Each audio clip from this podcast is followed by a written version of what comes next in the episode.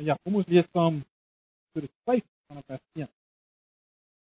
Daarna het Moses en Aaron na die Farao toe gegaan. So sê die Here die volk: "Laat my volk gaan en my uh, tot my eer 'n fees in die woestyn te hou." Maar die Farao het antwoord: "Wie is die Here nogal dat ek na hom sal luister? Israel te laat gaan? Ek ken die Here nie en ek sal Israel nie laat gaan nie." Hulle sê toe die Here God van die Hebreërs het hom aan ons gewaar. Laat ons asseblief 3 dagreise die woestyn intrek en offer vir ons God die Here te bring. Anders tref hy ons dalk met die pes of swaard. Maar die koning van Egipte het hulle gesê: "Moses en Aaron, waarom hou julle die volk van hulle werk af? Gaan terug na die werk.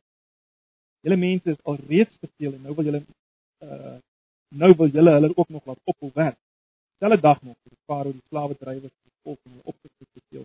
Julle mag nie meer so strooi vir die volk strooi gee om bakstene mee te maak. Laat hulle self gaan strooi by mekaar. En julle moet van hulle dieselfde hoeveelheid stene as tevore bly uit. Julle mag niks verminder nie. Hulle is net lui Daarom hou hulle aan met meel. Ons wil vir ons God gaan op. Die werk moet vir die manne so swaar wees en hulle so besig hou dat hulle nie by dat hulle nie hulle ore uitteen vir allerlei leuns. En dan gaan die hele stuk maar aan hoe die werk vermeerder is. En dan vers 22 is belangrik. Daarna het Moses weer na die Here toe gegaan en gesê: "Here, waarom werk U so sleg met hierdie volk? Waarom het U my nou eintlik gestuur van die eerste oomblik af dat ek by die Farao gekom het om in U naam te praat het hy hierdie volk mishandel. Tog het u niks gedoen, net wel. Tog het u niks gedoen om die volk te red. Toe sê die Here vir Moses: "Nou sal jy sien wat ek met die Farao gaan doen. Ek gaan hom dwing om my volk te laat gaan. Ja, ek gaan hom dwing om hulle uit sy land uit weg te jaag." En dan hoofstuk 6. God het vir Moses gesê: "Ek is die Here. Ek het aan Abraham, Isak en Jakob verskyn as God die Almagtige, maar my naam die Here het ek nie aan hulle bekend gemaak Tog het ek my verbond met hulle gemaak, naamlik om die land Kanaan aan hulle te gee, 'n land waarvan hulle nie burgers was. Ek het die gekerm van die Israeliete wat in Egipte verkneg word, duidelik gehoor. En ek het aan my verbond gedink. Daarom moet jy vir die Israeliete sê, ek is die Here. Ek sal julle van die dwangarbeid van Egipte bevry. Ek sal julle van die verknegting verlos. Ek sal julle vrymaak met my mag en met my groot reddingsdade. Ek neem julle aan as my volk en ek sal julle God wees dan sal julle besef dat ek die Here julle God is wat julle van die dwangarbeid van Egipte bevry. Kom ons lees net op so. En dit is asof God hier vir Moses weer kom sê, "Ont Moses, onthou wat jy gesien het in die brandende bos."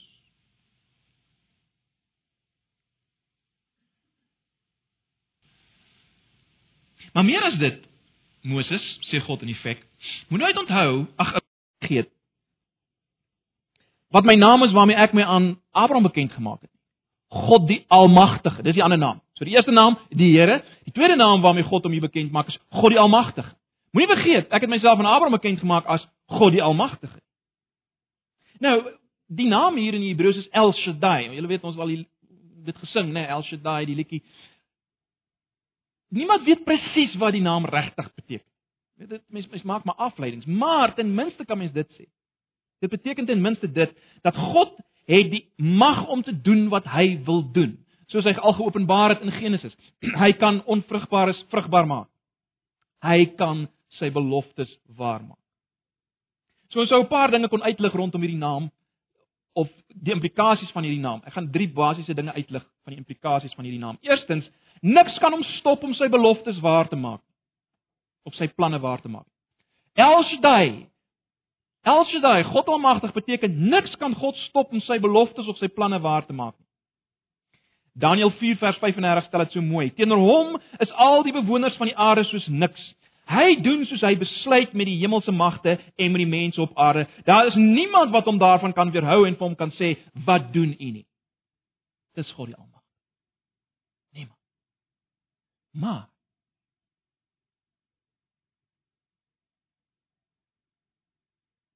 hierdie doen wat hy wil doen is om sy beloftes waar te maak, né? Nee. Al al lyk dit asof alles skeefloop of verkeerd loop, niks stop hierdie God om sy verbondsbeloftes waar te maak nie. Dis waaroor dit gaan. Uh julle het gesien in hoofstuk 6 vanaf vers 7, uh hy gaan sy beloftes waar maak van die die beloftes van die land en so meer. Maar nou wil ek weer op iets wys. broers en susters, wat ons nie moet mis nie. Die mense teenoor wie hy sy verbondsbeloftes hou. Kyk wat word hulle genoem in hoofstuk 4. Vers 22.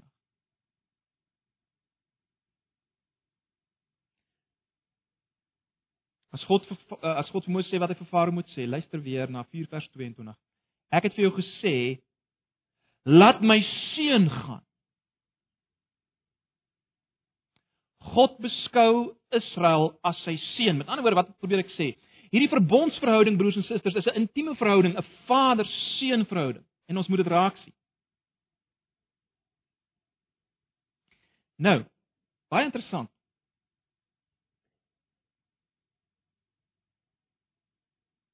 In Matteus 2. Matteus 2.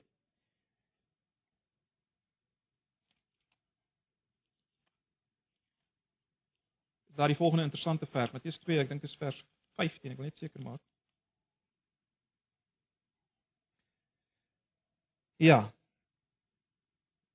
Matteus 2, kom ons lees maar vers 14 en 15 van Matteus 2. Josef het toe opgestaan in die nag die kindjie, dis nou Jesus en sy moeder geneem en na Egipte toe vertrek en daar gebly tot die dood van Herodes soos vervul wat die Here deur 'n profeet gesê het uit Egipte het ek my seun geroep.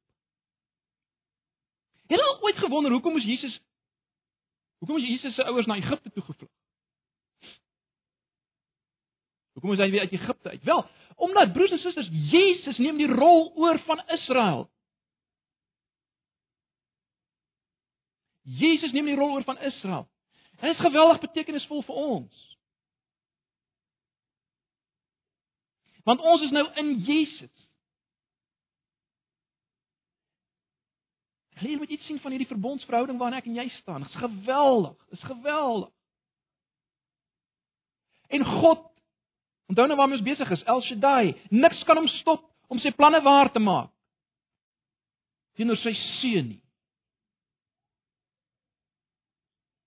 Israel was sy seun, maar net omdat Jesus God se seun uiteindelik die rol van Israel sou oorneem en in hulle plek die verbond sou hou waar hulle dit nie kan doen nie. Hierdie verbondsverhouding is ontsettend belangrik broers en susters. Terloops dis waar die gedeeltjie van van van Sipora inkom. Die kind was nie besny nie. En wat God daar wil sê as hy as te ware vir Moses wil doodmaak, is dis hoe belangrik dit is om die verbond te hou en die teken te hê. Buiten dit sal die verteerende vuur God jou verteer. Maar in hierdie verhouding is daar veiligheid. Daarom kom Kolossense 2 vers 12 en 13 en lê klem daarop dat ons is besny met die besnydenis van Christus. Ons is besny met die besnydenis van Christus. Dit is belangrik dat ons in Christus sal wees. As ons in Christus is, is ons God se geliefde seun en dan maak hy al sy beloftes waar vir ons en ons is op 'n veilige plek. So, El Shaddai. Niks kan hom stop om sy beloftes waar te maak nie. Ons kan in die tweede plek sê hy doen wat hy ook al wil, El Shaddai. Binne hierdie raamwerk van die waarmaak van sy beloftes teenoor ons sy seun. Psalm 115 vers 3 sê nou halwe sin en dit terwyl ons God in die hemel is, alles wat hy wil, doen hy. Luister na Jesaja 46 vers 9 tot 10. Jesaja 46 vers 9 tot 10. Dink aan wat vroeër gebeur het lank gelede. Ek is God. Daar is geen ander nie. Ek is God. Daar's niemand soos ek nie. Ek kondig van tevore aan wat later sal kom, lank tevore al wat nog nie gebeur het nie. Ek sê wat ek besluit het en dit gebeur wat ek wil doen, doen ek. Wat ek wil doen, doen ek. Binne die raamwerk van getrouheid aan my verbondsbeloftes, né? Nee. So El Shaddai beteken niks stop hom om sy beloftes waar te maak nie. Hy doen binne hierdie raamwerk wat wat ook al hy wil. 'n Derde ding wat die naam vir ons sê is dit sy mag en krag broers en susters is meer Nou dis julle sal sê maar dis logies, maar ons moet dit hoor. Sy mag en krag is meer as enige mag en krag. Jesus kom later Matteus 28 en sê aan my is alle mag gegee. Wonder of dit hoor. Alle mag. Ons glo dit. Alle mag. Ek wil 'n simpel voorbeeld noem en dalk is ek nou heeltemal dalk is dit heeltemal nie van pas nie, maar weet julle, ek het daaraan gedink. As mens vir 'n oomblik dink aan die atmosfeer rondom ons wat bestaan uit twee bestanddele, stikstof en suurstof. Die mengsel van stikstof en suurstof is altyd dieselfde, né? Of jy nou op die hoogste berg is of in die diepste grot, dis altyd 'n perfekte balans van as ek reg is 79% stikstof en 21% suurstof. Broers en susters, as daar ietsie daar skeefloop, het ons probleme, né? As as die stikstof iets wat vermeerder, sal ons lewensprosesse al stadiger word. Ons sal sterf. As die suurstof vermeerder, sal al ons lewensprosesse ontsaglik vermeerder. Ons polslag sal weghardloop en ons sal eenvoudig verbrand. En tong in die kies as 2/3 stikstof en 1/3 suurstof deur 'n elektriese reaksie saamsmelt dan dan sou ons almal onbeheers aan die lag raak. Want dan sou die laggas ehm um, N2O sou geproduseer word. Wat probeer ek sê deur dit? Wie is in beheer van dit al? God Almagtig. Broers en susters, as hy dit kan beheer, hy kan alles beheer. Daar's nie geen groter krag as sy krag nie. Hy kan alles laat disintegreer. Hy kan alles laat disintegreer. En daarom en dis belangrik. Daarom kan ons weet al lyk dit asof dinge nie uitwerk soos ek gedink het dit gaan uitwerk vir my as kind van God nie. Wat kan ons weet?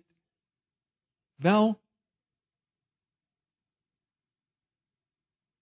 Die een waarmee ek te doen het is die Here Jahwe en is El Shaddai. En daarom wat probeer ek sê? Sit op hierdie bril van sy karakter, van wie hy is. Sit dit op en kyk na jou omstandighede. En ek wil hê ons moet nou daai bril opsit en nou kyk ons terug met daai bril gaan ons terugkyk na terugkyk na hoofstuk 5. Hoekom het dinge nie daar uitgewerk? Hoekom het God nie onmiddellik daar bevry nie? Kom ons probeer nou die bril opsit van van God se karakter. Bril van hoofstuk 6. En ons dink vinnig, wat doen God daar met Moses? En broers en susters, ek dink nie ons sal verkeerd wees as as as ons sê dat God is besig met 'n geloofstoets vir Moses. God wil hê Moses moet nog meer alleen aan hom vashou nie. Kyk, Moses na die 40 jaar in die woestyn wat hy daar ons het al daarna verwys wat hy eintlik geweldig gefrustreerd moes moes wees want hy wou die volk verlos en nou uh, hy wou die herder vir die volk wees en nou as hy 'n herder van gewone skape wat wat gaan aan. Na dit en sy ontmoeting in Eksodus 3 met God sou hy waarskynlik gedink het nou is ek reg. Nou is ek reg om om bevryding te bring vir my mense. Let op my woorde. Nou is ek reg om bevryding te bring vir my mense.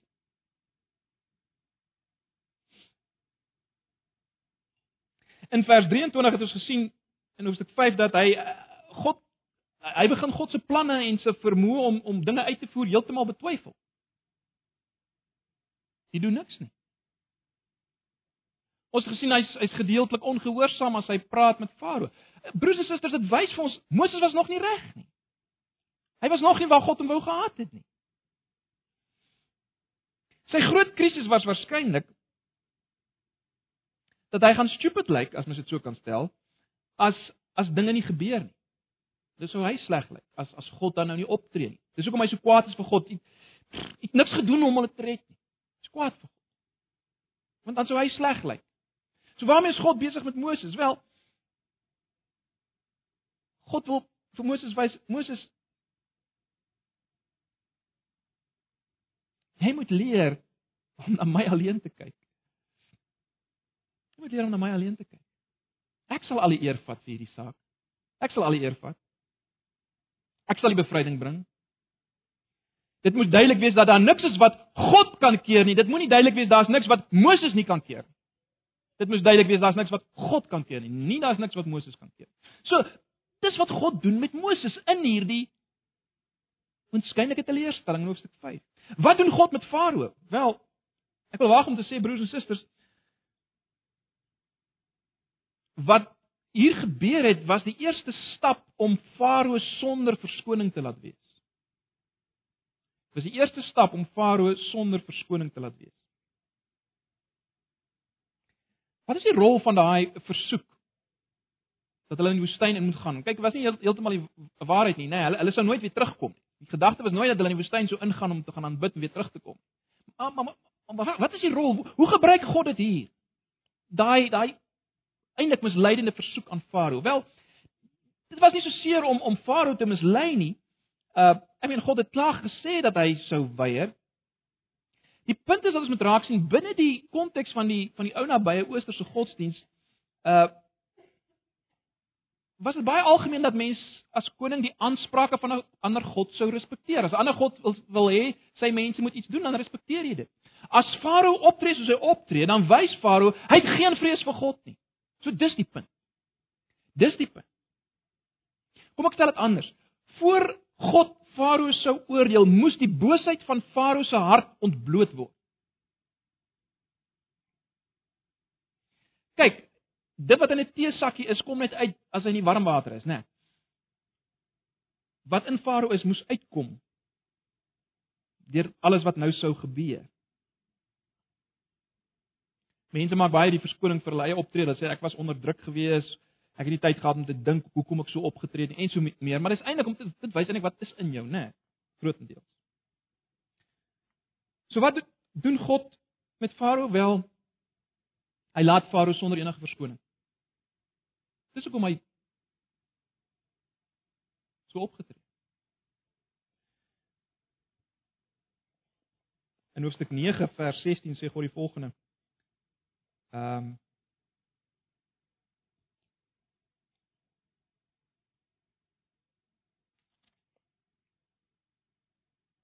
sê die volgende vir Farao. Daar's net een rede waarom ek jou nog laat lewe en dit is dat ek jou my mag kan wys en my naam daardeur oor die hele wêreld geroem kan word. Daar's net een rede. So dit dis wat God besig is, né? Nee, hy, hy laat Farao sonder sonder verskoning en deur Farao wys hy wie hy is. Wat doen God vir Israel baie vinnig? Het Israel hierdie toets nodig gehad? Het hulle nie nou lank gewag na 400 jaar nie? Baie interessant broers en susters. Ons weet iets wat ehm uh, wat Moses en die oudstes nie hier geweet het nie. Wat is dit? Ons weet hoe sou ons weet hoe sou die volk uiteindelik optree met die goue kalf ensovoorts. Ons weet hoeveel keer hulle gereed was om 'n nuwe leier te kies en en en terug te keer Egipte toe sommer net so dan wil hulle weer terug gaan Egipte toe. So die punt is God het geweet dat die volk nie regtig gereed sou wees om te trek voordat dit baie erger gaan nie. God het dit geweet. El Shaddai. Yahweh. Hy het dit geweet dat voordat dit baie erger gaan nie sal hierdie volk elk geval nie trek.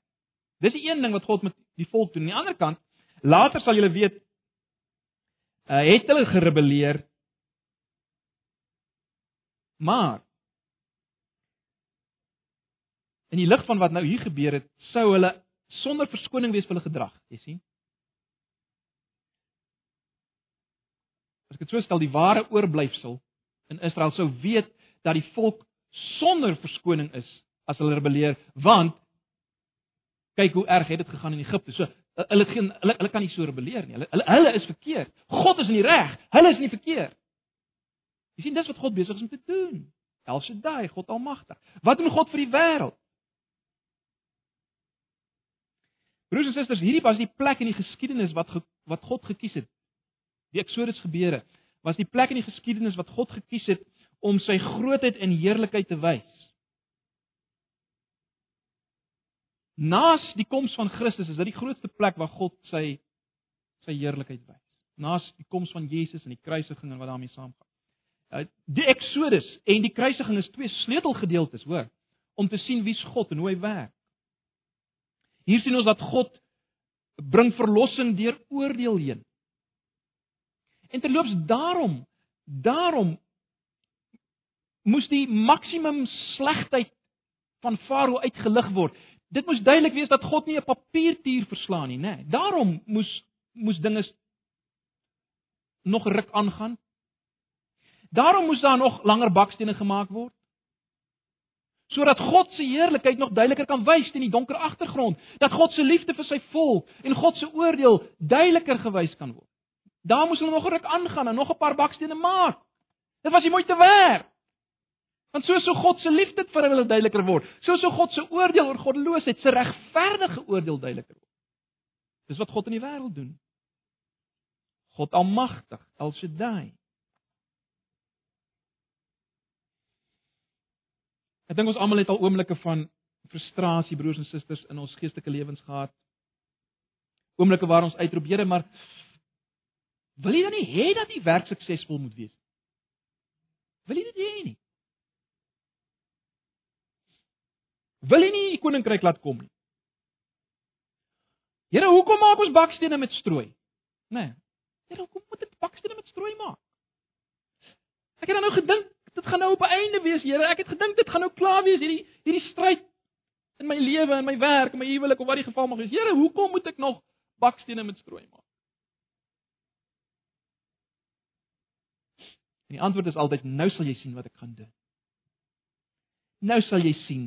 Miskien nie soos jy heeltemal wil nie. Maar en dis waar Romeine 8 vers 28 inkom, nê. Nee, alles werk ten goeie vir hulle wat God Almagtig El Shaddai dien. In ons geval ons word al meer verander om soos Jesus te word in hierdie proses. In hierdie proses.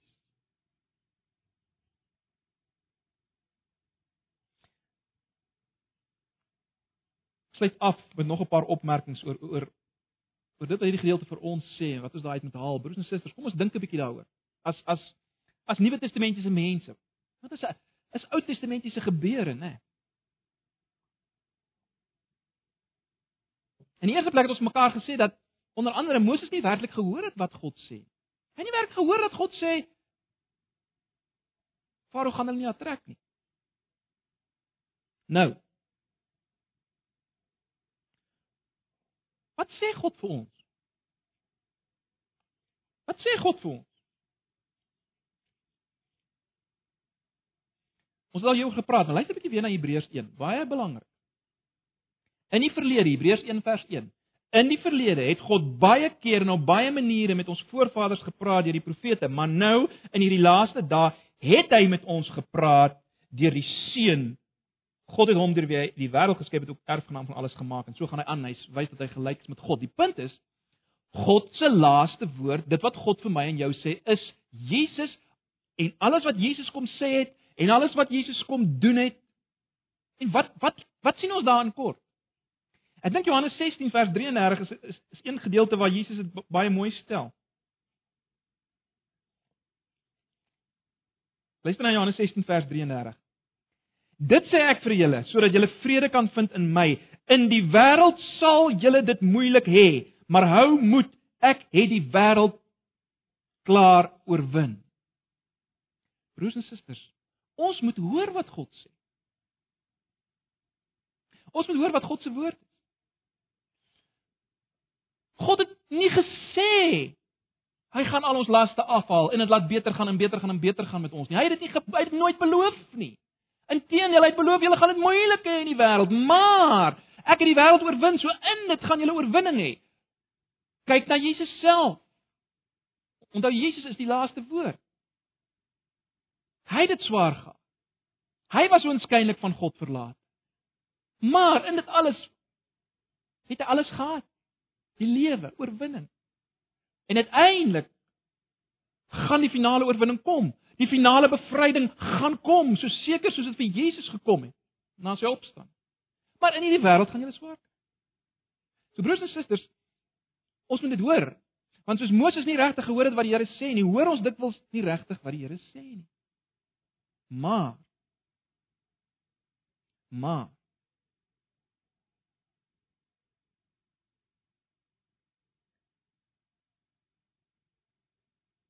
ons moet weet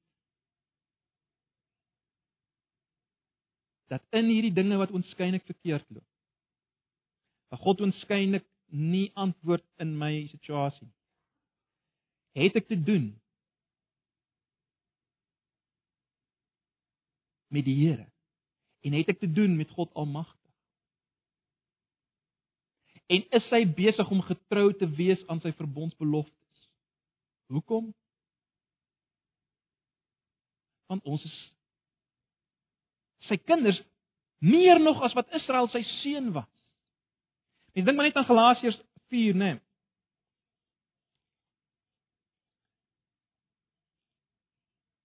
Galasiërs 4, julle ken dit.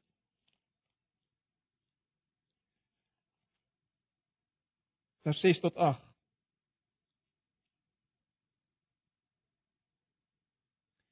En omdat ons sy kinders is, het God die gees van sy seun in ons harte gestuur en in in ons roep hy uit Abba, dit beteken Vader. En nou is baie interessant die woorde wat Paulus gebruik in die kont in die, in die lig van Eksodus, is dit nie? Jy is dus nie meer 'n slaaf nie.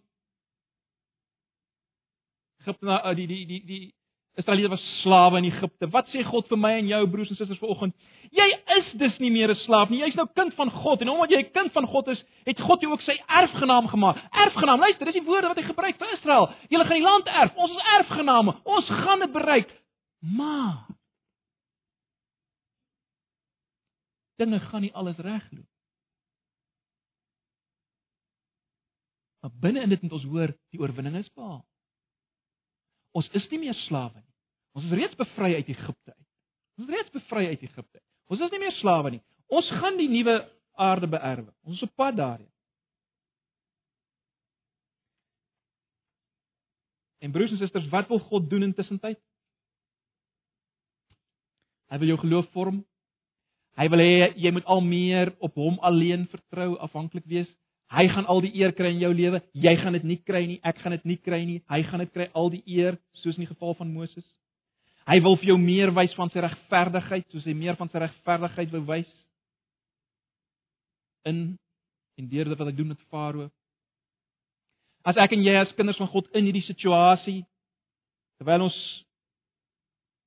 reeds bevry is en nie meer slawe is nie en wag vir die nuwe aarde, as ons in hierdie situasie rondom ons kyk na die wêreld en ons vra, Hoekom tree God nie op nie? Hoekom het Jesus nog nie gekom nie? Hoekom kan hierdie diktator en daardie leier maak soos hy wil en aangaan soos hy wil? Onthou hierdie gedeelte. Onthou God is besig. El Shaddai is besig. Die Here is besig. Soos hy besig was met Farao. Hy is besig om sy verbondsbeloftes waar te maak. Hy gaan dit waar maak. Hy het alle mag. Hy doen wat hy wil. Doen wat hy wil. Hy het meer krag as enigiets. Maar hy doen dit binne die raamwerk van sy verbondsbelofte. Ag, mag die Here ons bemoedig hierdeur broers en susters. Mag ons dit hoor. Mag jy dit vir jouself preek vandag, môre as jy by die werk is. Jy sukkel met jou kinders. Stryd dit in jou huwelik.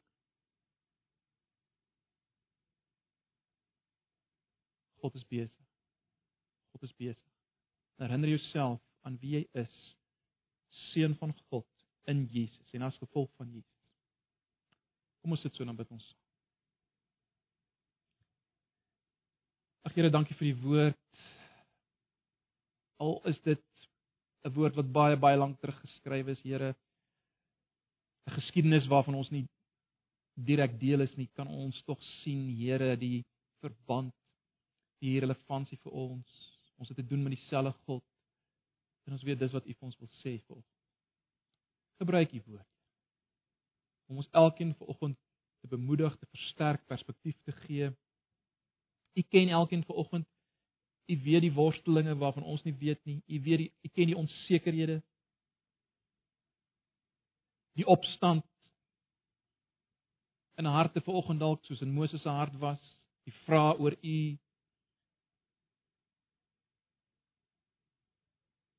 Help ons om vas te hou aan u karakter, u persoonlikheid in hierdie tye, asseblief. Ons vra dit in Jesus se naam. Amen.